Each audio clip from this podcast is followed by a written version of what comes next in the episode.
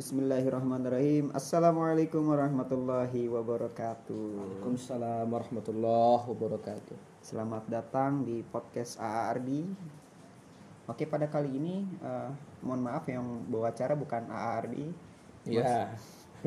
Jadi podcast AARD hari ini sedang dibajak oleh salah satu muridnya yang kece sedepok. Eh, Masya Allah, siap. Siap, Komandan. Jadi mohon maaf buat para pendengar podcast setianya, para pendengar setia podcastnya AARD ya. Eh. Kalau merasa ini podcast nggak formal dan nyantuy, Ya. ya karena ini dipegang oleh orang terkait sedepok. Masya Allah. Apalagi tambah sekarang sore ini di luar Lagi sedang hujan. hujan. Jadi kalau kita bawa serius, tambah dingin nanti. Iya. Kita bawa santai supaya lebih hangat. Baik. Oke, jadi ini kita punya segmen terbaru nih. Hmm. Segmen podcastnya AARD namanya Nyakit. Hmm. Nyantuy dikit. Mantap. Sama siapa nih sore ini saya bisa bicara nih? Jadi dengan pemandu acara saya itu Nizar Arsidki selaku Duta Anak Jawa Barat tahun 2018. Masya Allah. Dan eh, untuk dekat ini saya sedang lagi ikut ajang perlombaan duta generasi berencana Kota Genre. Depok. Ya, genre. Genre Depok. Masya Allah. Duta anak, sekarang duta genre. Iya, yang megang remaja sekarang. Oh. Oke. Baik, baik. Nah, nih A. Iya. Sekarang Ane mau diskusi tentang kualitas remaja di Depok yang vibes. Hmm. Nah, vibes itu visioner, berkarakter dan sehat. Oh, itu singkatan ya? Iya, itu singkatan. Nah, Visioner, mm-mm, berkarakter, sehat. Iya dan sehat. Oke, oke, kayak oke. gitu gitu. Nah, Ane sedikit mau tanya-tanya nih pandangan-pandangan AA tentang eh, kondisi kualitas remaja yang vibes itu gimana gitu dan apa ini nanti yang harus dilakukan eh, oleh para eh, remaja-remaja Depok gitu kan. Oke, jadi kan AA ini selaku dai muda nasional. Masya Allah. Jadi kita bisa tanya-tanya eh, seputar eh, wawasan agama kepada beliau ya. Oke, Tidak jauh-jauh juga dengan dunia anak muda ya. Oke, siap. Founder Dugem. Wih, di apa tuh? Apa lupa saya? Dakwah untuk generasi muda ya. Dakwah untuk generasi muda. Masya Allah, barakallah, barakallah. Ya, Oke, Oke, kita mulai dari visioner. ya, gimana tuh? Oke. Jadi uh, visioner ini kan salah uh, substansinya itu ada perencanaan perencanaan pendidikan, Hmm, perencanaan karir, hmm. perencanaan hidup berkeluarga. Mm-mm. Nah, Masa depan lah intinya. masa ya. depan. Ya. Jadi uh, sebenarnya kan genre ini program dari BKKBN ya, Pak. Mm-mm. dari BKKBN. Nasional berarti. Ya nasional, cuman Iya. ini regionalnya Depok dulu. Baik. saya. Jadi eh, BKKBN berharap dengan ada programnya genre ini bisa eh, mener- apa membuat para remaja itu bisa memiliki rencana yang sangat panjang gitu, lebih visioner kayak Iya. yang tadi saya sudah bilang kayak perencanaan pendidikan sampai berhidupan berkeluarga. Keluarga betul. Tapi di Depok ini kita lihat secara fakta di lapangan gitu.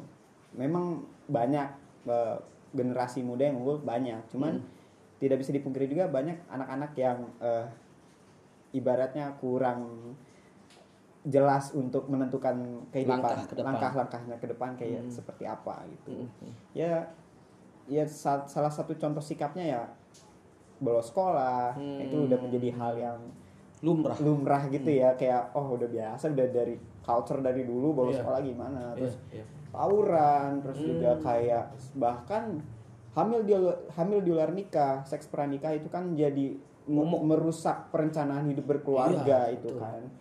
Dan banyak lagi problematika yang lainnya nah itu menurut AARD seperti gimana kayak gimana sih itu permasalahan-permasalahan itu terus dari agama sendiri kayak gimana sih Ya. gitu. Terus apa yang harus dilakukan oleh para pemuda di Depok ataupun di Indonesia gitu, terutama sih di Depok ya A ya. Iya. Nah, itu gimana? A?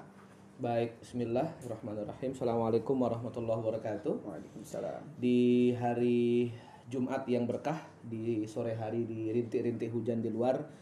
Mudah-mudahan obrolan nyakit, nyatui dikit ini bisa membuat teman-teman para pendengar di mana pun berada mendapatkan inspirasi dan ilmu sehingga apa yang kita bicarakan santai ini bisa bermanfaat. Amin.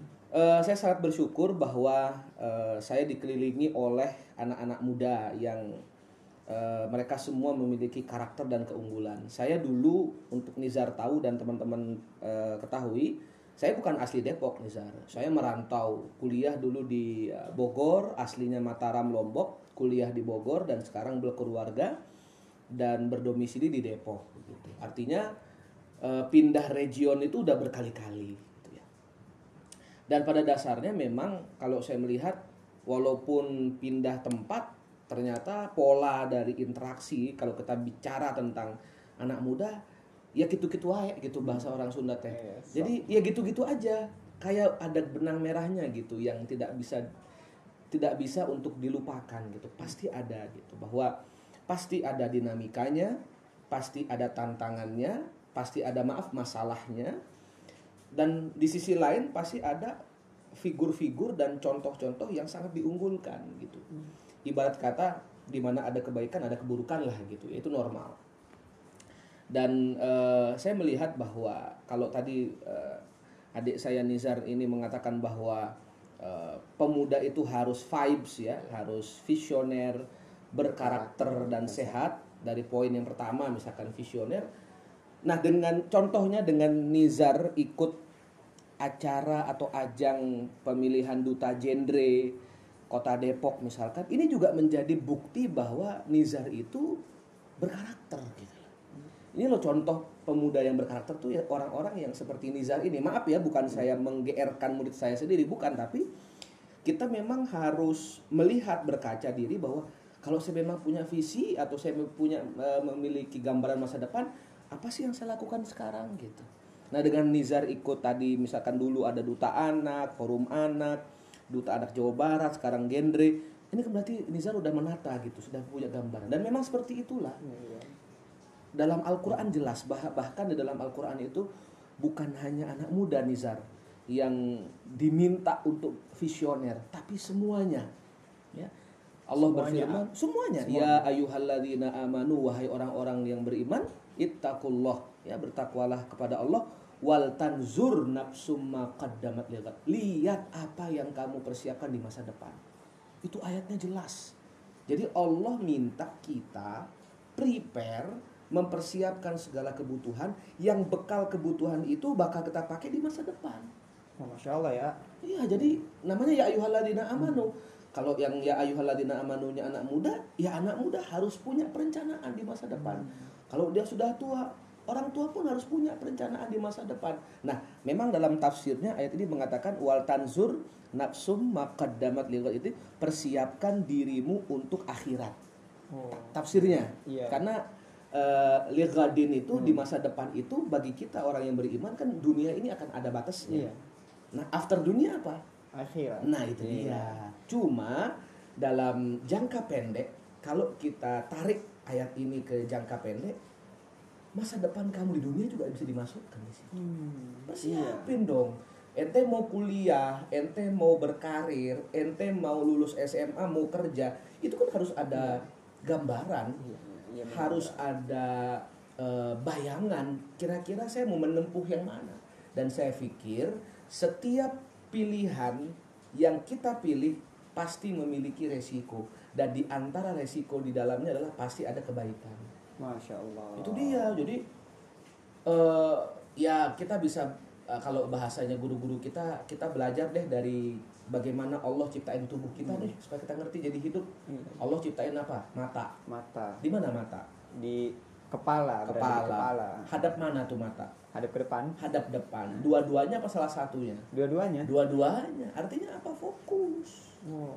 Itu makanya kenapa Allah ciptakan mata itu hadap depan. Lihat ke depan gitu loh.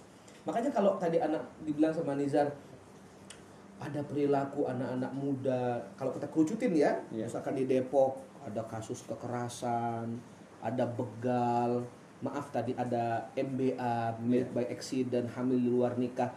Itu kan orang-orang yang pandangan ke depannya itu sempit, Oh. Rabun jauh ya kayaknya. rabun jauh. Udah pakai kacamata nih kayak. Nah itu dia iya. kurang kurang ilmu, kurang temen gitu ya, Waduh. kurang wawasan akhirnya ya sempit. Iya. Gitu. Nah makanya kenapa dalam bahasa Quran itu persiapkan apa yang kamu akan lakukan di masa depan karena apa yang kita tentukan, apa yang kita impikan, apa yang kita bayangkan hari ini itu mempengaruhi langkah kamu. Ah, Masya Allah. Oh ya, eh, soalnya saya juga pernah dengar nih, ah, kalau misalkan kita memang sudah bahkan kalau udah sampai jauhnya kita merencanakan orientasinya ke akhirat, Mm-mm. pasti dunia udah menjamin ke kita. Itu bukan kata Nizar lagi tapi kata ulama ya kata orang-orang soleh. Ibarat kata kalau kata mereka eh, beli sapi ya. dapat tali. Wah. Ya kan? Iya, beli iya. tali nggak mungkin dapat sapi. Oh, iya benar benar benar. Iya, kan? pasti iya iya, iya. jadi akhirat itu sapi Iya. diibaratkan. Nah tali yang tak seberapa nilainya itulah dunia. Iya maka kalau orang orientasinya adalah langsung akhirat wah dunia ini kecil bagi dia. Hmm, dan itu secara otomatis bahkan dalam hadis yang lain dunia itu akan mengikutimu dengan tertunduk hina. Hmm, bayangkan dunia mengikutimu. Betul. kan keren banget seorang anak muda yang eh, apa namanya memiliki karakteristik memandang jauh ke depan kemudian pada akhirnya dunia ini Allah sempitkan Allah kecilkan Allah genggamkan digenggam tangannya semua Hmm. kenapa tadi kamu bilang orientasinya bukan main-main akhirat Ya, bukan Masya hanya Allah. dunia Iya, iya. Berarti secara kalau kita udah punya rohani gitu ya. Hmm, Kalau udah rohani kita terpenuhi ya buat visioner itu udah gampang banget ya. Ah, ya. seharusnya Iya. karena bahasa eh, hadisnya itu aku kata Allah yang Mhm. akan menjadi mata ketika dia melihat Mm-mm. Aku akan menjadi tangan ketika dia bergerak. Aku akan menjadi kaki ketika dia melangkah. Itu bukan berarti Allah bersatu sama manusia, Iya. bukan. Tapi Allah langsung menuntun hambanya menuju apa yang dia bayangkan. Quran tuh menarik Nizar, menarik sekali. Subhanallah, bagus bagus. bagus. Eh, ini buat teman-teman, kalau kita baca pemuda dalam Quran, semua narasi anak muda dalam Quran semuanya positif. Iya. Makanya saya nggak setuju nih. Ada ada statement yang saya kurang setuju bahwa oh ada anak muda banyak melakukan tindak eh, kriminal, banyak melakukan tindakan penyimpang. Saya pikir bukan mereka melakukan tidak menyimpang, tapi mereka tidak disentuh dan dia tidak menjadi bagian kita untuk sama-sama melakukan yang baik. Circle-nya aja yang masalah. Wah, Andai andai circle-nya kayak orang-orang seperti Nizar, Nizar kan jelas iya. duta anak, forum anak, terus rohis di sekolah, osis di sekolah, terus ketemu AA, circle-nya jelas. Iya. Nah, andai or- anak-anak yang lain itu circle-nya sama kayak Nizar, nggak ada tuh kata-kata anak-anak muda yang tidak punya orientasi. Berarti mengekspansikan rohani itu penting juga ya di Iya. Depok ya. Jadi perluasan eh, apa pengisian rohani-rohani ke remaja Depok itu juga penting sebenarnya. Apalagi Depok Mm-mm. itu kota penyangga nih. Iya, itu yang pasti. kamu harus tahu bahwa Iya.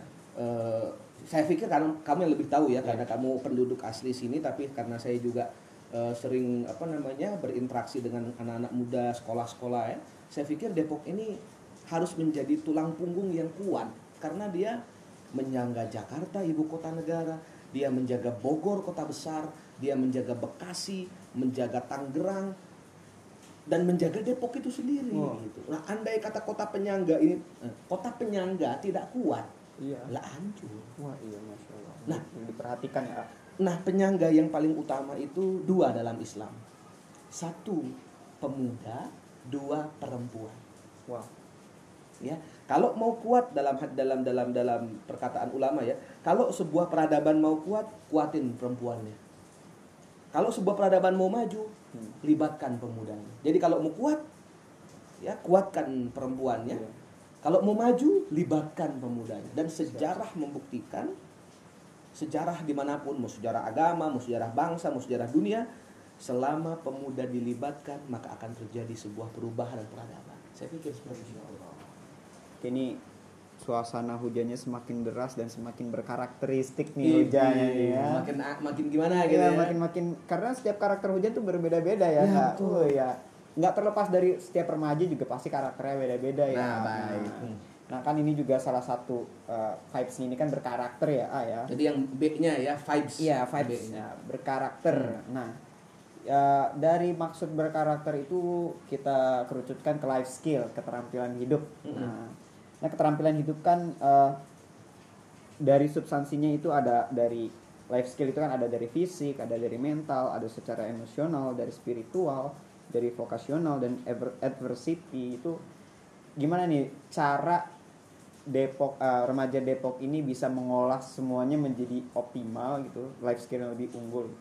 Tapi kalau kita lihat dari remaja-remaja Depok itu juga masih banyak yang kurang pede dengan skillnya dia, terus juga kayak masih takut malu-malu nggak banyak lah kayak, aduh gue pengen mengekspresikan bakat gue tapi tapi nggak diapresiasi ataupun itu kan secara ini ya secara soft skill ya A ya ada juga kayak eh, life skill ini kan termasuk kayak om emosional juga ya Hmm. karena karena anak-anak di Depok ini juga mungkin karena dari pola pengasuhan yang salah ataupun dari lingkungan yang tadi AA bilang salah. Hmm. Nah ini menurut AA sendiri bagaimana cara remaja Depok untuk mengolah atau memanajemen dari setiap yang ada di eh, substansi dari life skill ini kayak yang tadi saya bilang ada fisik, mental, emosional, spiritual, vokasional sama adversity itu Iya. gimana Kak? Remaja itu atau usia muda itu adalah usia yang penuh kekuatan. Di dalam Al-Qur'an itu eh, mim ba'di dha'fin quwwah. Jadi usia muda itu dikatakan oleh Allah tidak spesifik disebut muda tapi dia adalah usia setelah melewati usia lemah. Ya. Usia lemah itu usia bayi, Hmm. Kemudian mimba di dha'fin kuwah, usia setelah lemah menjadi kuat yaitu pemuda. Kemudian setelah mimba di kuwah dha'fan wa syaibah. Lemah lagi dan beruban, usia tua kan. Iya, iya. Nah, jadi tiga tiga rentang umur dalam Quran secara general tuh tiga nih. Iya. Lemah, kuat, lemah. Lemah pertama masa anak-anak, masa janin sampai masa anak-anak. Dua masa kuat, masa pemuda. Tiga masa lemah dan beruban, usia nenek-nenek jompo. Iya. Makanya kata para ulama, pemuda itu uniknya di dalam Al-Quran dibahasakan sebuah potensi kekuatan di antara dua kelemahan. Waduh. Andai kekuatan ini tidak dimaksimalkan, maka dia menjadi sumber kelemahan. Iya, jadi perlu diperhatikan ya. Perlu diperhatikan dan perlu diberikan panggung. Hmm. Kalau bicara berkarakter, eh, saya pikir apalagi sekarang bicara tentang era digitalisasi. Iya. era di mana maaf maaf ya masih dalam kondisi pandemi Iya. seperti ini. Kemudian banyak sekali arus informasi yang begitu masuk. Remaja ini jangan sampai kehilangan jati dirinya. Oh, iya benar benar. benar. Kita terlalu latah untuk mengikuti sesuatu yang baru yang bukan bagian dari kita yang kita nggak tahu bagaimana asal usulnya, apa kebaikannya, apa manfaatnya Hmm. terlalu latah untuk mengikuti sebuah perkembangan zaman yang kita nggak paham nih ujungnya ini bakal ke mana. Nah seharusnya anak remaja itu pemuda Depok wabil khususnya dia harus punya filterize, dia harus punya filter pribadi. Apa filter pribadinya? Satu ilmu, Iya. ilmu ini. Yang kedua baca, Iya. yang ketiga jejaring teman.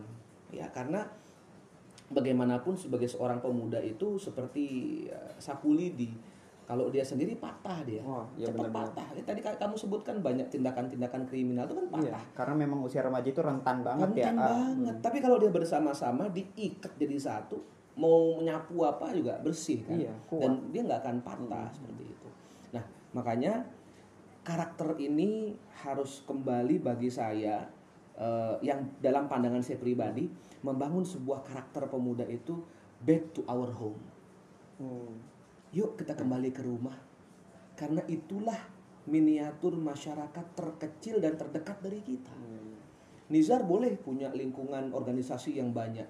Nizar boleh punya link relasi yang begitu luas. Hmm. Tapi andai Nizar tidak punya tempat pulang, Iya. mungkin tak jadi apa-apa juga kamu. Iya. Ya kan? Iya. Dan tidak bisa menjadi apa-apa. Iya.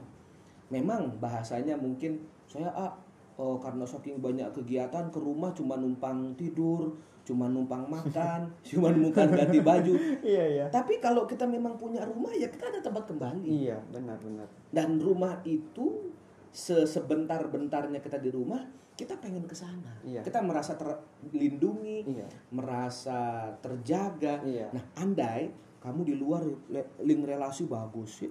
Teman-teman circle-nya banyak. Iya. Kegiatan positif. Tapi di rumah, Masya Allah. Nah, Iya. ada masalah antar orang tua. Hmm. Ada masalah dengan kakak atau keluarga yang lain. Atau ada musibah. Hmm. Bisa jadi buyar apa yang Iya. sudah kamu ini kan. Karena mau tidak mau, the best defense ya, ter- Iya. sebaik-baik pertahanan bagi seorang anak, bahkan sebagai seorang manusia, itu rumahnya. Iya. Jadi kalau mau berkarakter, bentuk karakter ya di rumah. Ya dari rumah ya karena Dari memang rumah. pola asuh itu menjadi pondasi awal untuk membentuk karakter seseorang Ya. remaja dan Bet- anak dan Betul. lainnya. Lah, bagaimana Nizar mau tahu Hmm. misalkan dalam kehidupan bahwa ini adalah sesuatu yang buruk, yang tidak ba- yang tidak yang baik, yang tidak baik, yang boleh, yang tidak boleh. Kan kalau bukan keluarga yang mengajarkan, Iya. benar, mungkin. benar, benar. Setelah keluarga beres, baru nanti ada institusi pendidikan. Iya. Nanti ada institusi keagamaan. Hmm. Nanti ada institusi kemasyarakatan. Itu levelnya setelah keluarga. Iya. Makanya jangan terlalu ber apa berandai-andai kalau sekiranya eh, apa tempat kembali yang paling baik yaitu keluarga itu menjadi tidak kokoh gitu. Mm-mm. Bagi saya karakter itu dimulai dari keluarga. Iya bener banget. Jadi kayak makanya kita berbangga juga ya menjadi warga Depok kan karena Depok ini salah satu ini promosi di Depok. Eh nih, gimana gimana tuh? Depok, Kita pengen tahu nih. Saya sebagai di Depok udah jalan 4 tahun, 3 tahun lah Iya, ya. iya. Gimana gimana tentang keluarga? eh, kita bisa berbangga juga ya Depok Hmm. kan karena salah satu kota yang mencetus Hmm? perda tentang ketahanan keluarga. Uh, pas banget dengan Iya. penjelasan saya. Masya Iya, Allah. keren makanya kita juga sebenarnya sebagai masyarakat Depok itu harus berbangga diri kalau Depok itu sebenarnya pemerintahnya atau dari eh, stakeholder lainnya atau dari pihak lembaga lainnya juga peduli kepada masyarakat. Bahkan ter- terhadap perkara keluarga Iya, perkeluarga itu. Oh, Jadi ya bagaimana nanti eh, masyarakatnya ini bisa eh, apa namanya mengimplementasikan yang Hmm. apa yang sudah diterapkan program-programnya oleh pemerintah Nah, seperti di, itu. nah di sini saya, nah di sini saya ada menemukan satu titik temu ya Hmm. Nizar ya dan teman-teman pendengar bahwa eh, peran keluarga penting. Iya. Kemudian kamu sebagai pemuda, kita sebagai pemuda memiliki visi misi yang jauh, tajam, matang ke depan penting. Mm-mm. Tapi semua itu tak ada taring dan tak ada tenaganya. Iya. Kalau mereka yang diberikan amanah oleh Allah kekuasaan tidak mendukung. Hmm. Maka penting tadi saya Iya. bilang peran pemerintah, mungkin DPR, mungkin wali kota, mungkin pejabat-pejabat terkait ketika mereka ikut mengambil mengambil bagian dalam perkara ini, ikut turun memikirkan persoalan ini, saya pikir ke depan bukan hanya menjadi wacana an- wacana satu rumah, satu rumah, satu rumah, tapi bisa menjadi kekuatan yang sifatnya akumulatif. Masya Allah. Ini kan ini kan suatu inilah inilah makanya saya sampaikan sering di tempat-tempat kalau ngisi uh, pengajian yang Nizar juga ikuti bahwa kalau kita punya kekuasaan maka kebaikan itu bisa kita kumpulkan. Oh, Masya Allah. Jadi yang tadinya mungkin tadi kan Nizar bilang karakter dari rumah ya. Andai kata tidak ada perda dan ketahanan keluarga Iya. kayak gitu. Mungkin Nizar sama keluarganya gerak sendiri. Iya. Keluarga A gerak sendiri, Iya. gerak sendiri. Mungkin ada yang searah, tapi Iya. pasti namanya sedih sendiri ya ke sana kemari gitu. Iya benar benar benar. Tapi kalau seandainya dibuatin perda, dibuatin aturan, disosialisasi dengan baik kepada masyarakat, bahkan stakeholder memberikan contoh langsung, wah saya pikir menjadi satu kolaborasi Iya. yang apik. Berarti memang sangat-sangat penting ya sinergitas antara pilar kayak masyarakat, Iya. media, dunia Iya. usaha dan pemerintah tuh kalau benar-benar berkolaborasi dengan secara bagus, sudah apa pun itu pasti gampang Pasti tercapai. gampang dan Iya. eh, apa namanya eh, target-target besar ke depan itu mudah untuk direalisasikan saya pikir. Jadi sebenarnya kita udah nggak penting lagi ya salah-salahin masyarakat, salah-salahin media, salah-salahin pemerintah. Jadi kita harus saling introspeksi dan harus bisa menggaung bersama ya. Nah, ya. kalau bahasanya teman Aan itu kolaborasi. Asik. Kolaborasi. Jadi Mantap. kolaborasi sambil beraksi. Hmm. Jadi kolaborasi itu apa? Ya kolaborasi itu berjamaah. Ush. Kolaborasi itu mengumpulkan, memadukan semua potensi. Hmm, hmm, hmm. Tapi jangan hanya mengumpulkan tanpa tindakan, makanya Oh. perlu aksi. Jadi kolaborasi. ya. Kolaborasi. Jadi jadinya. nggak ada kolaborasi lagi tapi kolaborasi. Ya, kalau kolaborasi Oke. kan misalkan nih Nizar pinter public speaking. Oke. AA bisa desain misalkan. Kita kolaborasi. Oke, misalkan Nizar mau ada acara forum anak atau kegiatan apa, saya bantu membuat. Itu namanya kolaborasi. Iya. Tapi kalau kolaborasi kita tidak sekedar bergerak sama-sama, tidak hanya menyatukan kekuatan, tapi kita membuat sebuah gerakan. Oh. Gerakan itu bisa mem- memobilisasi kebaikan yang efeknya bukan satu dua orang ternyata tapi semua. Masya Allah. Itu luar biasa keren banget. Itu namanya vibes. Iya. Itu namanya vibes gitu ya. Oke, berarti kan tadi kita udah ngomongin tentang visioner sama berkarakter ya. Mm-mm. Ini ada satu lagi nih, jangan sampai ketinggalan. Hmm, gimana gimana tuh? Sehat tuh penting, A. Nah, ya ya ya ya ya ya. ya. Kan? Jadi nggak buat apa kita orangnya visioner dan berkarakter tapi nggak sehat Hmm. ya aduh gimana percuma gitu karena Hmm, hmm, hmm. ini sehat yang dimaksud aneh itu bukan sehat ya gue kuat gitu Iya. tapi sehat secara akal secara iman secara Allah. mental ya kan akumulasi iya ya secara semua Hmm. akumulasi semuanya cuman kan emang kita lihat lihat lagi nih kita balik-balik lihat fakta lapangan tuh jangankan kesehatan eh, mental atau fisik juga yang paling gampang lah gitu ibaratnya untuk menerapkan pola hidup bersih dan sehat Hmm. yang apalagi sekarang dituntut untuk pakai masker menjaga eh, Jarak. iya menjaga jarak Hmm. terus harus menerapkan protokol kesehatan tuh banyak ya nggak nggak remaja doang masyarakat yang abai abai dengan hal itu Hmm. itu gimana dengan hal terkecil aja gitu deh kayak harus PHBS dan sebagainya abai gitu gimana tuh menurut AA dan pandangan agama dan apa nih yang ha- seharusnya dibenahi untuk hal ini gitu Iya. Yang kita perlu sadar nih Zar bahwa nikmat paling besar dari Allah dari Tuhan yang maha besar ya, yang maha kuasa. Setelah Allah kasih kita nikmat iman sama Islam itu apa coba? iman nikmat Nikmat sehat. set- nah, Iya, sehat setelah nikmat iman sama Islam itu nikmat sehat. iya Ya kan? Dan tidak semua orang hari ini diberikan oleh Allah karunia sehat. Iya. Tapi jangan lupa dalam Islam itu ada terminologi sehat, ada namanya afiat. Hmm. kan ada sering dengar ya gimana kabar? Sehat walafiat kita kadang-kadang menjadikan satu tuh satu satu satu kata. Padahal secara terminologi ini dua kata yang beda. Sehat lain maknanya walafiat lain. Walafiat apa tuh artinya? Nah cakep. Nah, kalau tadi kamu bilang bahwa remaja itu vibes ujungnya Iya. sehat kemudian antum tadi bilang bahwa sehat itu bukan hanya fisiknya ah, tapi akalnya imannya rohnya pemikirannya iya, iya. Nah, kalau dalam terminologi Islam, sehat itu sihat bahasa bahasa Arab ya. Hmm. Sihat itu adalah berfungsinya semua organ tubuh sesuai dengan tugas. wah Itu namanya sehat. itu sehat tuh Itu namanya sehat. Sehat Mata sehat bisa melihat. ya Ini sehat. iya Kemudian kaki sehat bisa berjalan. Mulut sehat bisa mengecap merasa makanan dan sebagainya. Itu namanya sehat. Hmm. Tapi apakah semua sehat bisa afiat? Hmm, belum tentu. belum tentu. Loh, emang afiat itu apa? apa itu ah? Nah, afiat itu kesehatan yang kamu rasakan bisa mengajak kamu dekat sama Allah. Wah. Gimana tuh salah satu Contoh. tuh? Mata ente sehat bisa baca, Iya. tapi belum disebut afiat kalau antum nggak baca Quran. Waduh. Waduh di mana nih? Bukan antum aja, gua juga. Iya, aduh. Tangan, tangan ente sehat, Iya. tapi nggak peduli. Maaf ya, meringankan kesulitan orang, Hmm. membantu kesulitan teman.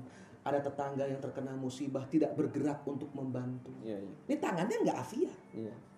kaki bisa berjalan sehat bisa jogging sehat zaman sekarang ada sepeda ya Iya, bisa sepeda 10 kilo sehat tapi masjid depan rumah 5 meter mager. nah berarti kakinya belum Afiat. afiat makanya Iya gitu ya. nah termasuk remaja Hmm. remaja yang sehat itu bila perlu bukan hanya sehat tapi Hmm. afiat apa secara fisiknya eh, dirawat dengan baik maka saya sering bilang good looking itu penting Iya. remaja itu bagaimana dia cara memadu padankan menggunakan baju merawat dirinya karena pada dasarnya Islam itu Innallaha jamil yuhibbul jamal. Allah itu sangat indah, maha indah, sangat mencintai keindahan. Jadi kalau kita pakai baju yang bagus, wewangian yang wangi, menata diri yang apik, itu Allah senang. Hmm. Levelnya iman. Iya, iya, iya. iya. Bukan sekedar kamu menghias diri agar kamu enak dilihat atau enak dipandang orang, tapi kamu senang dipandang Allah. Oh, masya Allah. Ini levelnya beyond lagi. Tadi saya bilang, Hmm. tadi kayak kamu bilang kalau udah mikirnya akhirat itu udah jauh melampaui ke depan. Benar, Nah. benar, benar. Seandainya sehat itu di diarahkan ke situ pemahamannya, Hmm. maka nggak ada tuh yang mabok, Wah, iya benar tuh. iya kan? Iya benar. Apakah benar. Allah senang dengan dia mabok? Enggak. Udah ada yang ngerusak dirinya, Iya sih, benar. pakai uang nyokap bokapnya, dipakai nongkrong, mungkin uang SPP-nya. Iya. Nah, Uzubah tadi Nizar juga bilang ada kasus hamil di luar nikah, Iya. kebablasan pacaran dan. Apakah Allah senang? Enggak. Nah, andai anak-anak muda mampu berpikir sejauh itu, yakin deh kata ulama, tidak ada setiap jengkal yang dia lakukan kecuali pasti sesuatu yang manfaat. Oke, alhamdulillah, Gitu. masya Allah. Jadi itu eh, ya sudah panjang-panjang ya sambil dengerin rintik-rintik hujan yang sangat Syahdu. Syahdu. Wah, dengan obrolan-obrolan nyakit nyantuy dikit Masya eh, Allah. yang berkapabilitas ini yang ngomongin tentang vibes Vibes, Ya, vibes. keren Masya Allah. ya jadi kayak tadi tuh vibes kan visioner berkarakter dan set tapi kalau menurut saya pribadi ya kalau dengan vibes ini kita ini bisa menjadi kayak urutan itu ah. Hmm.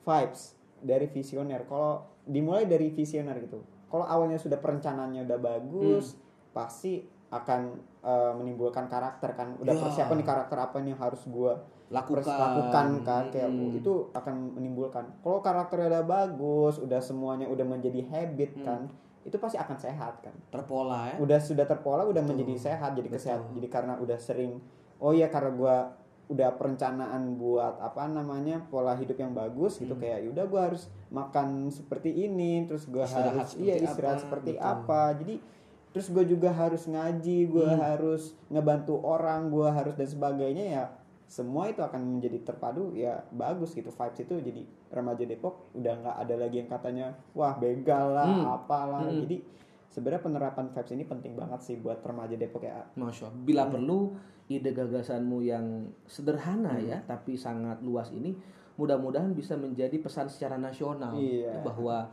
anak-anak muda memang secara eh, visi misi memang harus jauh memandang ke depan, dia juga harus berkarakter dan juga dia harus sehat sehingga ya sempurnalah sebagai seorang pemuda. Gitu.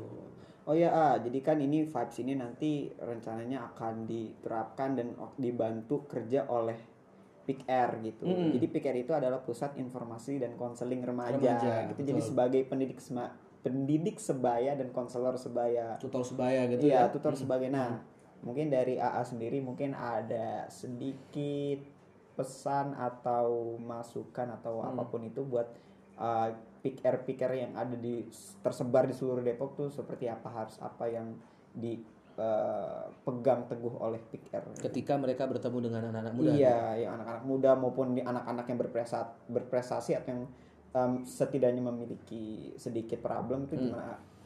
Saat pesan saya dan ini yang saya biasa lakukan bahwa kalau kita bicara dengan anak muda, kalau kita bersentuhan dengan anak muda, bersahabatlah dalam prosesnya. Ah, masya Allah. Ya, Itu jawabannya. Bersahabat dalam proses. iya. Mm-mm. Artinya bahwa kita tidak bisa serta merta, Nizar, kamu begini, nggak bisa. Mm-mm. Nizar, jangan begitu, nggak bisa. Tapi bersama dia, membersamai. Oke. Itu itu bahasanya UJ, Ustaz Jeffrey Al Bukhari. Membersamai dalam proses. Nggak apa-apa dia pakai kalung, nggak apa-apa. Tapi tempel terus. Mm-mm. Tanpa kita harus justifikasi dia salah. Iya. Tanpa kita harus mengatakan ini haram. Mm-mm. Tapi jadilah sahabat dalam proses. Iya. Ketika kita menjadi sahabat dalam proses, maka kita akan berusaha membuat senyaman mungkin hubungan interaksi kita. Hmm. Bukan hanya, oh ini tutor saya, ini kakak konselor saya, tapi ini sahabat saya. Oh. Tidak ada hijab, tidak ada gap, tidak ada batas, sehingga kalau tidak ada seperti itu, arus komunikasi, pesan, bahkan mungkin bagi saya sebagai orang yang juga terlibat dalam hal yang sama dengan Niza, anak remaja itu tidak perlu banyak nasihat saya pikir. Mm-mm. Contoh, Oh, contoh. Iya. dia melihat contoh dari kakaknya, dari abangnya, dari orang terdekatnya, dan dia merasa, oh ini klik nih, sudah lah dia bakal ngikutin. Iya, iya. Tapi apa yang terjadi kalau misalkan dikasih tahu, tapi orang yang dikasih tahu yang ngasih taunya nggak bisa memberi contoh Ya. yang baik, ya sama aja bohong dong ya. Makanya pesan saya bagi teman-teman Pick Air dan teman-teman Nizar dan semua para pemuda, jadilah sahabat dalam proses mereka. Iya. Jadi kita nggak harus ngeblame orang-orang yang sebenarnya bermasalah karena sebenarnya mereka tuh juga butuh gitu ya. Kayak walaupun dia senakal-nakalnya atau seburuk apa pun, tapi dalam lubuk hati kecil itu dia pengen gitu Iya, berubah. gitu. mereka belum disentuh aja. Iya, makanya harus pepet terus. Iya, Pepet, pepet, makanya pepet terus. nah dengan adanya forum ini mungkin nih, mungkin Iya. nih ah nggak bisa langsung nih ke Iya. mereka, nggak bisa. kok. Mm-mm. Assalamualaikum bertakwalah nggak Ah, bisa. bisa. Maka adanya forum anak, Mm. duta genre, Iya. pick air, ada ini, ada itu. Ini kan memperpanjang tangan-tangan dakwah Iya, masya Allah. sebenarnya. Dan semakin ke titik dakwah itu, semakin ke objek dakwah kita itu, bahasanya sesuai dengan dia kan. Iya. Iya. Saya ke Nizar mungkin bisa ngomong dalil. Nah. Saya ke Nizar mungkin bisa bicara halal haram. Iya. Tapi ketika Nizar menyampaikan pesan AA ke teman-teman, belum tentu bisa. belum tentu bisa dan pasti berbeda bentuk. Iya. Nah, ini yang saya harapkan. Iya. Jadi kebaikan itu tidak berhenti sama Nizar dan teman-teman yang memang sudah pakem, tetapi pesan ini bisa diteruskan dengan bentuk dan formula yang berbeda sehingga kebaikan itu bisa dirasakan sama semuanya. Seperti itu. Masya Allah, Alhamdulillah ini mantap banget nih obrolan nyakit pada hari ini. Masya Nyantui Allah. dikit. Masya Allah, Masya Walaupun nyantui tapi omongannya vibes banget. Masya Allah, sesuai dengan visi misi kita ya. oke. Masya Allah. Jadi ya kita harus menyesuaikan lah, jangan menjadi apa ya merasa paling benar yang penting kasih kita kasih contoh aja karena Hmm. orang-orang sekarang itu nggak mau dikasih mulut gitu kan Hmm. karena maunya aksi gitu Mm-mm. ya contohnya aja kan kemarin ada apa namanya demo dan sebagainya kan sebenarnya kita bu- bukan butuh mulut tapi butuh nyapanya tuh apa Iya, gitu. betul. Jadi ya mungkin pesan-pesan buat kita semua termasuk gue pribadi nih ya Hmm. selaku pemuda selaku remaja ya Hmm. sebenarnya ya kita sharing perlu gitu Hmm. tapi kalau untuk mengintervensi seorang tuh nggak perlu banyak mulut ya Iya, sekiranya gitu. Jadi alhamdulillah pembahasan nyakit hari ini nyatu dikit ini sudah eh, Tidak terasa ya. ya tidak terasa banget dan Masya hujan juga sudah mulai reda gitu Dan kan. sepertinya mau dekat maghrib juga. Alhamdulillah. Masya Jadi Allah. kita sebelum maghrib kita ngebahas-bahas yang nyantui tapi yang bermanfaat. bermanfaat, oke? Allah. buat para pendengar podcast ini terima kasih semoga bermanfaat dan Amin. menjadi barokah buat kita semua. Amin amin. Dan saya berdoa juga kepada Allah mudah-mudahan eh, visi misi Nizar dan semua teman-teman pemuda di Indonesia dan khusus di Depok ini selama mereka mau berpikir tentang umat, tentang masyarakat, tentang orang lain, tentang eh, bangsa bangsanya negaranya, itulah pemuda-pemuda hebat. Oke. Satu kata A buat duta genre Kota Depok tahun 2020. Satu kata, Iya, satu kata untuk duta genre Kota Depok tahun 2020. tahun 2020. Oke. Semangat. Oke, semangat teman-teman semua. Ya, teman-teman duta genre 2020 dan juga semangat ya buat apa pemuda-pemuda Depok. Betul. Alhamdulillah, mari kita sudahi saja karena sudah mau deket maghrib. Teman-teman semua kalau emang dengernya lagi deket isya, deket maghrib, deket zuhur, Mungkin ada yang denger pagi ya. Iya, denger-denger pagi, jangan lupa sholat. Iya. penting, oke? Gue Nizar Arsidki pamit undur diri. Kurang lebihnya mohon maaf dan juga AA Ardi sama-sama pamit undur diri juga. Wassalamualaikum warahmatullahi wabarakatuh. Waalaikumsalam warahmatullahi wabarakatuh. Makasih Nizar. Oke, okay, see you. Alhamdulillah.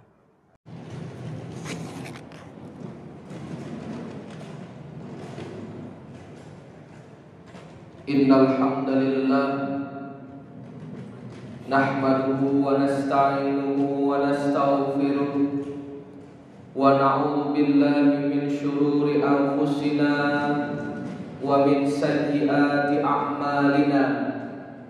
من يهده الله فلا مضل له ومن يضلله فلا هادي له. أشهد أن لا إله إلا الله وحده لا شريك له. وأشهد أن محمدا عبده ورسوله. اللهم صل وسلم وبارك على هذا النبي الكريم سيدنا وحبيبنا وشفيعنا وقرة أعيننا ومولانا محمد. سلام عليك يا رسول الله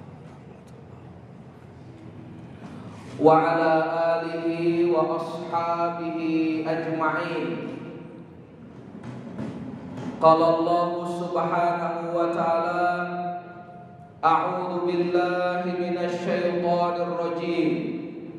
يا أيها الذين آمنوا اتقوا الله اتقوا الله حق تقاته. ولا تموتن إلا وأنتم مسلمون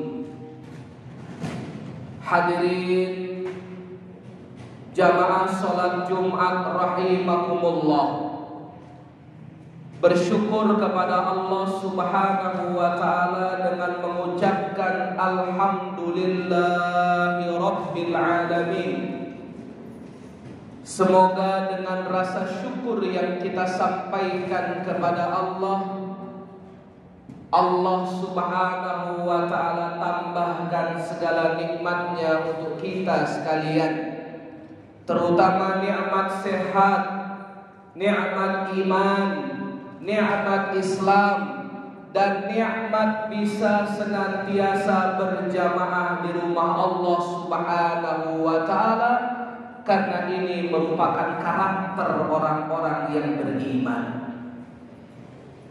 Jamaah yang dimuliakan oleh Allah Subhanahu wa taala dilanjutkan dengan bersolawat kepada baginda Rasul Nabi besar Muhammad sallallahu alaihi wasallam.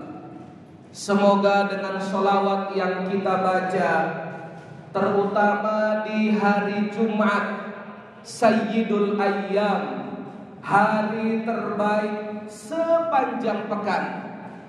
Tidak ada ucapan yang lebih indah Kata Syekh Muhammad Mukhtar Al-Shirqiti rahimahullah.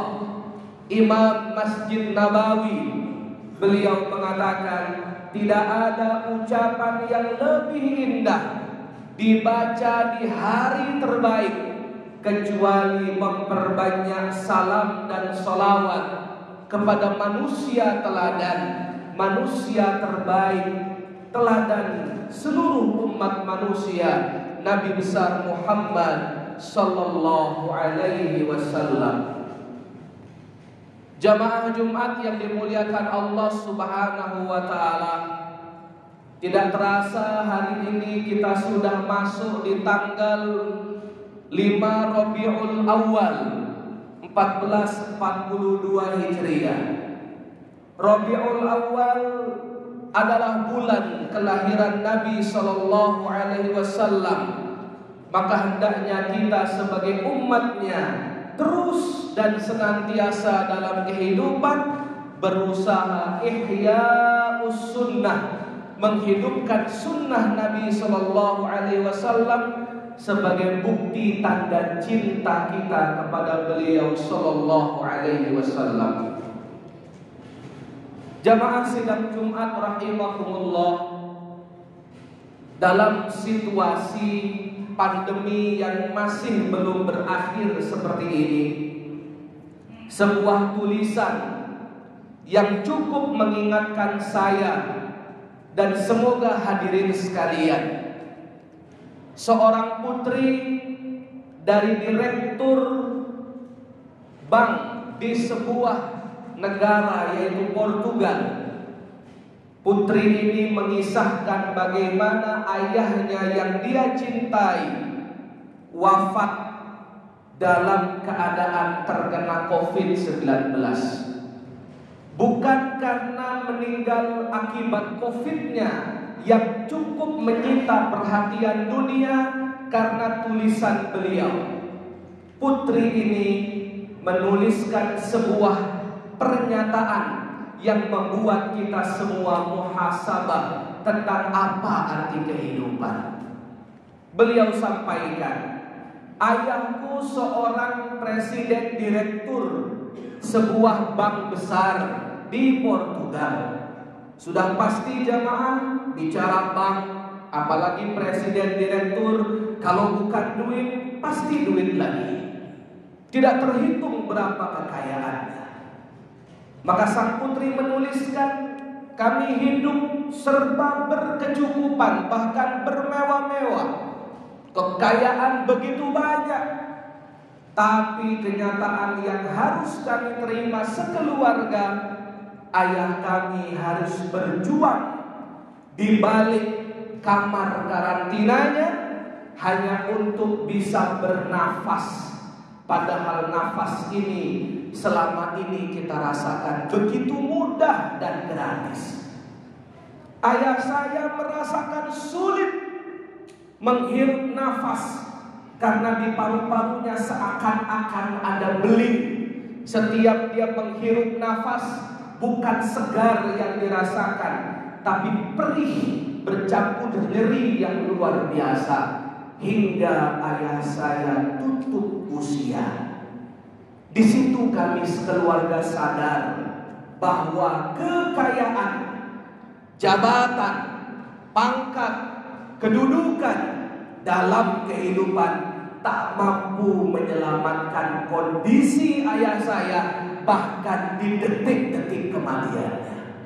Harta yang kami miliki, harta yang kami senantiasa tumpuk siang dan malam tak juga bisa menyelamatkan ayah kami satu-satunya bahkan untuk terbebas dari penyakit yang dia derita dan ayah kami meninggal dalam kesendirian tak satu pun keluarga bisa menemaninya karena positif covid berarti di dalam ruang karantina dan tak boleh satu keluarga pun menemaninya bahkan di tengah sakaratul maut. Jamaah yang dimuliakan Allah Subhanahu wa taala dari tulisan ini saya teringat firman Allah Subhanahu wa taala yang semoga firman Allah Subhanahu wa taala ini bisa menjadi nasihat buat saya dan kepada seluruh jamaah. A'udzu billahi minasyaitonir rajim. Alladzi jama'a malau wa addada.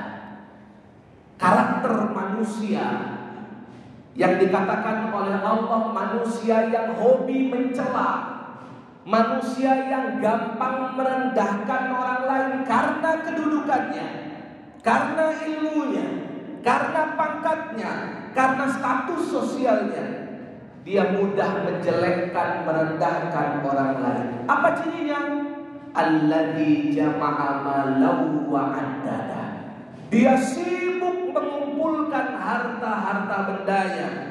Lau wa addada. Bahkan dia senantiasa menghitung-hitungnya. Imam Ibnu Katsir mengatakan inilah karakter yang disebut dengan hubbud dunia cinta dengan dunia. Islam tidak melarang kita memiliki harta, justru wajib punya harta. Karena bagi hamba Allah yang beriman, harta itu wasilah ibadah kepada Allah. Buktinya, keropak masjid yang jalan hilir mudik, kalau bukan kita masukkan harta, gak bisa. Gak bisa jamaah masukkan Al-Fatihah, gak bisa. Harus masukkan harta dan harta terbaik. Bisa jadi harta yang Bapak jamaah masukkan itulah yang menyelamatkan Bapak dan keluarga dari segala musibah dan para bahaya. Yang paling utama bisa menyelamatkan kita dari azab kubur. Rabbi laula akhartani ila ajalin qarib. Orang yang mau meninggal kalau bisa boleh ngomong dalam sakaratul mautnya Laula ajalan qarib. Ya Allah tunda sesaat. Kalau memang jadwal kematian saya sudah datang. Fa wa akum. Saya akan bersodakoh dan saya akan menjadi hamba yang soleh. Maka jemaah yang dimuliakan Allah Subhanahu wa taala, harta yang kita kumpulkan, pergi pagi pulang malam, banting tulang cari rezeki, adalah merupakan ibadah di sisi Allah.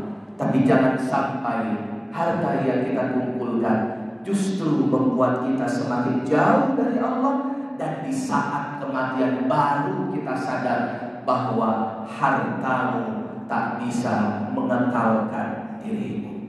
Barakallahu li wa lakum fil Qur'anil Karim wa nafa'ani wa iyyakum bima fihi minal ayati wa dzikril hakim. Taqabbalallahu منا ومنكم تلاوته إنه هو الغفور الرحيم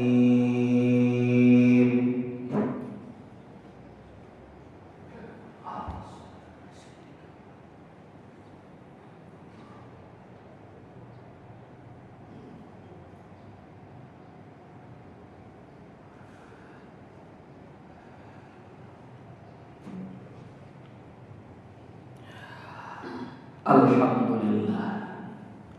Wassalatu wassalamu ala rasulillah Wa ala alihi wa sahbihi wa mawala Jamaah salat Jumat rahimakumullah. Setelah nikmat iman dan Islam Ternyata nikmat paling besar yang Allah berikan kepada kita pada siang hari ini adalah nikmat sehat walafiat. Maka gunakan wasihhataka qabla saqamik. Gunakan masa sehat sebelum datang masa sakit. Gunakanlah tangan yang sehat itu untuk mencari nafkah yang halal, kaki yang sehat wal afiat.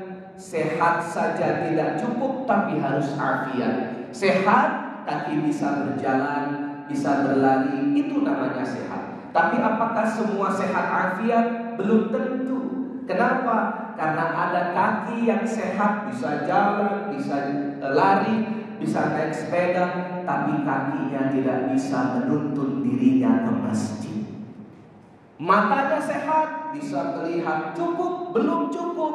Afiatkah? Belum tentu. Mata yang afiat, dia bisa melihat, membaca ayat-ayat Allah, baik di Quran maupun apa yang terjadi di alam semesta kemudian dia segera kembali takjub kepada Allah Subhanahu wa taala.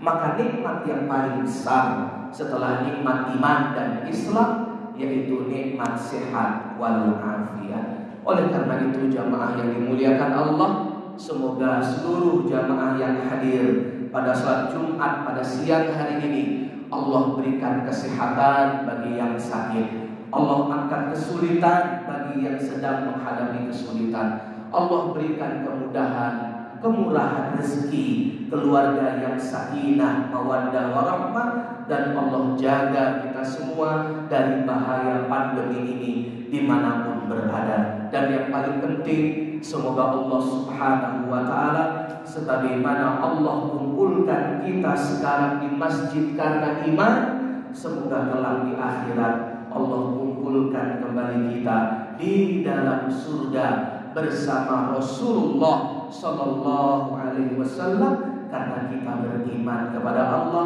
dan kita cinta dengan Rasul Muhammad Sallallahu Alaihi Wasallam. Inna Allah wa malaikatahu yusalluna ala nabi Ya ayyuhalladzina amanu sallu alaihi wa sallimu taslima اللهم صل على سيدنا محمد وعلى آل سيدنا محمد كما صليت على سيدنا إبراهيم وعلى آل سيدنا إبراهيم وبارك على سيدنا محمد وعلى آل سيدنا محمد كما باركت على سيدنا إبراهيم وعلى آل سيدنا إبراهيم fil alamin innaka hamidum majid. Doa di antara dua khutbah mustajab. Allahumma gfir lil muslimina wal muslimat wal muminin wal mu'minat al ahya minhum wal amwat wa yaqadi al hajat ya hayyu ya qayyum bi rahmatika nastaghith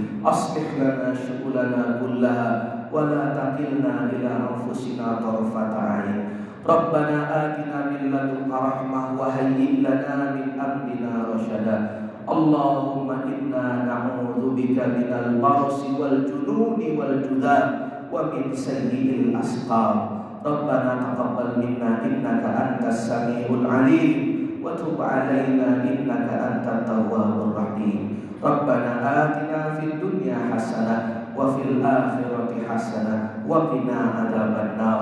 Wa sallallahu ala sayyidina Muhammad wa ala alihi wa sahbihi wa sallam walhamdulillahi rabbil alamin. Ibadallah, qala Allah subhanahu wa ta'ala wal 'asr innal insana lafi khusr illa alladhina amanu wa 'amilus wa tawasaw bil haqqi wa tawasaw bis sabr. Shalah. Muhammad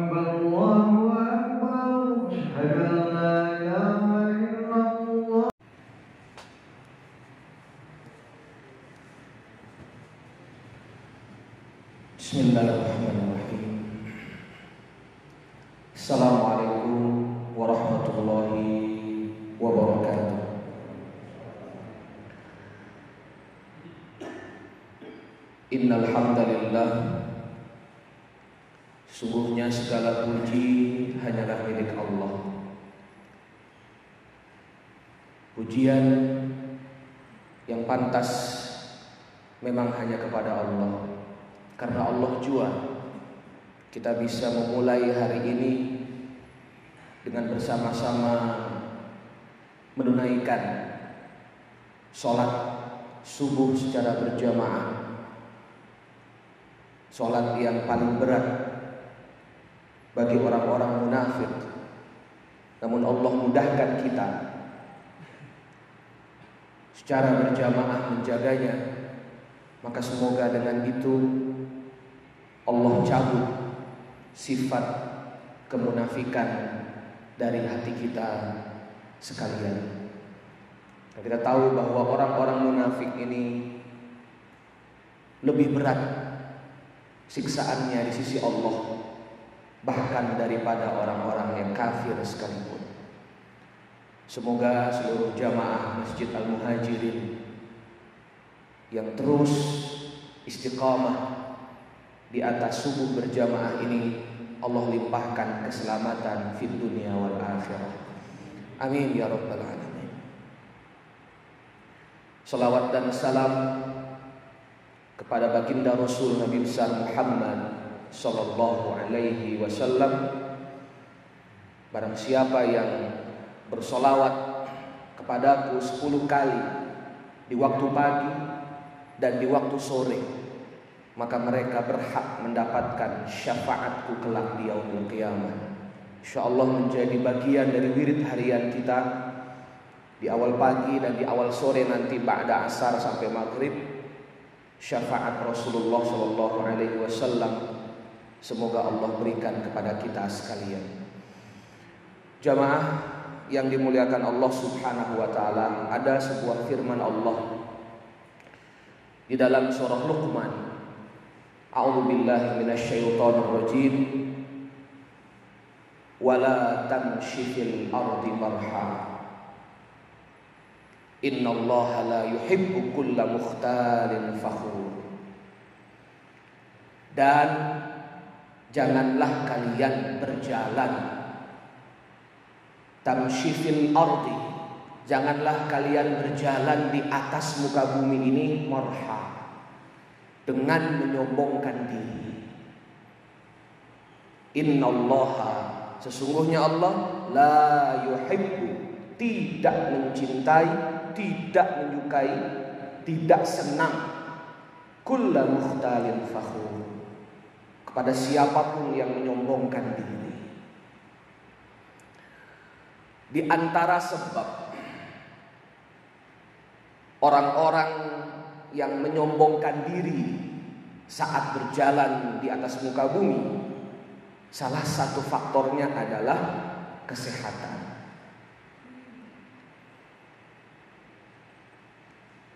Karena Allah tidak suka manusia, apalagi orang-orang beriman, dan kalau kita melihat ayat tadi disampaikan oleh seorang ayah yang penuh hikmah kepada putra-putranya saat memberi nasihat dan pesan-pesan kehidupan, pesan-pesan ilahiyah di antara pesan sang ayah Luqmanul Hakim kepada anak-anaknya jangan sampai kamu berjalan dengan sombong di atas muka bumi. Nah, salah satu faktornya adalah sehat. Makanya Kenapa Fir'aun, Namrud, dan orang-orang yang ingkar kepada Allah tidak pernah sakit dalam hidup. Itu bisa menjadi faktor penyebab orang-orang lupa dan jauh dari Allah Subhanahu wa taala. Makanya Allah menutup ayatnya dengan innallaha la yuhibbu kulla mukhtalin Kita berdoa kepada Allah semoga di antara jamaah masjid yang sampai hari ini masih diuji oleh Allah dengan sakit. Saya Dr. Harmon dan siapa pun semoga dengan sakit ini Allah kikis Allah bersihkan sifat kesombongan dan semakin menjadikan kita semua dekat dengan Allah baik yang sehat terlebih yang sakit dan setiap dosa diampuni oleh Allah Subhanahu wa taala. Makanya orang-orang beriman dalam memandang takdir Allah dari kacamata yang lain. Tidak hanya fokus dengan sakitnya saja, kemudian berikhtiar berobat. Karena bagian ikhtiar berobat adalah jihad. Kita bersungguh-sungguh. Tapi juga orang-orang beriman melihat sakit adalah kesempatan meraih ampunan Allah. Kesempatan lisan banyak memanggil Allah. Kesempatan mata banyak menangis kepada Allah. Makanya di kalangan para sahabat ada yang menangis bukan karena nggak punya uang, bukan karena diputusin pacar, bukan karena di PHK, tapi karena selama satu bulan nggak pernah sakit. Ditanya sama sahabat yang lain, kenapa engkau menangis? Saya nggak pernah sakit satu bulan ini. Loh, emang kenapa? Bukankah sehat nikmat dari Allah? Ketahuilah bahwa ketika sakit, di situ kesempatan Allah mengampuni sebanyak-banyaknya dosa hamba Allah. Wa yaghfiru dzunuba jami'ah. Berapa banyak sih kita meminta ampun sama Allah? Paling tiga kali habis sholat. Itu pun kalau ingat. Padahal Nabi seratus kali. Nabi maksum terjaga dari dosa seratus kali. Seharusnya kita yang belum maksum seribu kali, sejuta kali. Nah karena kualitas istighfar kita belum banyak tapi saking sayangnya Allah sama kita, Allah nggak suka melihat kita banyak dosa, nggak suka lihat kita banyak maksiat, dan Allah rindu ucapan minta ampun kita kepada Allah, Allah titipin sakit.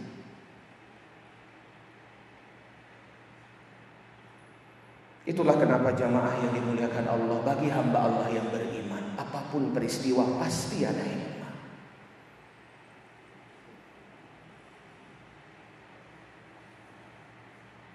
Oleh karena itu jamaah yang dimuliakan Allah Salah satu di antara doa di zikir pagi yang wajib Kita wajibkan diri kita. Ini sunnah hukumnya Tapi wajibkan diri kita membacanya. Allahumma afini fi badani. Allahumma afini fi basari. Allahumma afini fi sam'i. La ilaha illa anta. Ya Allah sehat Afiatkan badan kami. Sehat afiatkan mata dan pendengaran kami. Yang menarik di sini katanya afini, afiat, sehat afiatkan, bukan sekedar sehat. Sebab kalau sehat, berapa banyak orang yang sehat ke masjid? Berapa banyak orang yang sehat membaca Quran? Berapa banyak orang yang sehat tegak sholat malam? banyak istighfar. Belum tentu. Makanya Allah sampaikan dan Nabi sampaikan, afini fi badani, afini fi basari, afini fi samai. Dan tidak serta-merta sakit itu azab bagi orang-orang beriman. Bahkan rahmat. Kenapa? Di antara nabi-nabi Allah, rasul-rasul Allah ada satu yang menjadi contoh kita, yaitu Ayub alaihissalam. Apakah Nabi Ayub berdosa? Tidak. Apakah Nabi Ayub bermaksiat? Tidak. Tapi Allah uji sakit. Nah, ini menjadi contoh bagi orang-orang beriman agar positif dalam menghadapi takdir Allah. Termasuk di antaranya adalah ujian sakit. Oh bisa jadi Allah sayang sama saya. Dalam kondisi payah, Nabi Ayub berseru kepada Allah, berdoa, "Anni yadur wa anta arhamur rahimin." Ya Allah sesungguhnya aku sedang merasakan sakit Dalam tafsir sakit yang membuat berat beribadah kepada Allah Jadi kalau sakit kita mulai mengganggu kuantitas ai kualitas ibadah kita, doa ini disunahkan dibaca. Anni masani Ya Allah, aku sedang merasakan sakit. Dan sakit ini membuat ibadahku kepadamu terlambat dan terhambat. Wa anta arhamur rahimin. Dan engkau Allah arhamur rahimin sangat penyayang di atas siapa pun yang memiliki rasa sayang. Di antara sebab dikabulkan doa selain kita meminta kepada Allah dengan kebutuhan kita, jangan lupa sertakan al-asma al-husna sesuai dengan keadaan doa kita. Maka jamaah yang dimuliakan Allah Subhanahu wa taala, kabar gembira dari Nabi Shallallahu alaihi wasallam bagi jamaah masjid atau siapa pun kita yang dalam kondisi sakit terhambat dalam amal soleh karena keadaan fisik yang mengharuskan istirahat dan mengatur tempo. Jangan sampai kecapean, kelelahan, apalagi kondisi pandemi yang belum berakhir rentan mengganggu imun kita. Gimana kita nggak bisa ke masjid? Gimana kita nggak bisa sholatnya duduk? Gimana nggak bisa sholat malam? Nggak bisa sholat duha? Terhambat ibadah kita. Gimana Ustadz? sebagai akhir kabar gembira dari Rasul Shallallahu Alaihi Wasallam dari Abu Musa al Ashari radhiyallahu an bahwa Nabi Shallallahu Alaihi Wasallam bersabda, "Ida maridul abdu kalau ada hamba Allah sakit, ausafaron atau dia bersafar dalam sebuah perjalanan jauh, kutibalahu tertulis pahala baginya mithla ma kana ya'malu muqiman sahihan. Tertulis pahala baginya sempurna sebagaimana saat dia beramal ketika muqiman dalam keadaan mukim au sahihan atau dalam keadaan sehat. Jadi kalau dokter Harmon kita tahu beliau istiqamah berjamaah di masjid dalam beberapa waktu, lima waktu misalkan kita menjadi saksi, maka sekarang kondisi beliau dalam proses pemulihan dan sholatnya hanya di rumah, maka sholatnya di rumah tercatat sholat berjamaah di masjid. Gak bisa duha, gak bisa tahajud karena harus istirahat. Kondisi badan belum fit, tercatat tidurnya sebagai pahala tahajud. Tercatat paginya pahala sholat duha. Apa syaratnya kata para ulama agar mendapatkan keistimewaan hadis ini? Satu saja, yaitu apa? Istiqamah. Selama dia sehat, dia istiqamah menjaganya, bukan Senin Kamis, bukan selang-seling, bahkan nggak pernah sama sekali. Maka kalau dia istiqamah dalam ketaatan dan dalam amal soleh, ketika sehat maka saat sakit Allah pun menyayanginya dan pahalanya tak berkurang sedikit pun di sisi Allah Subhanahu wa taala.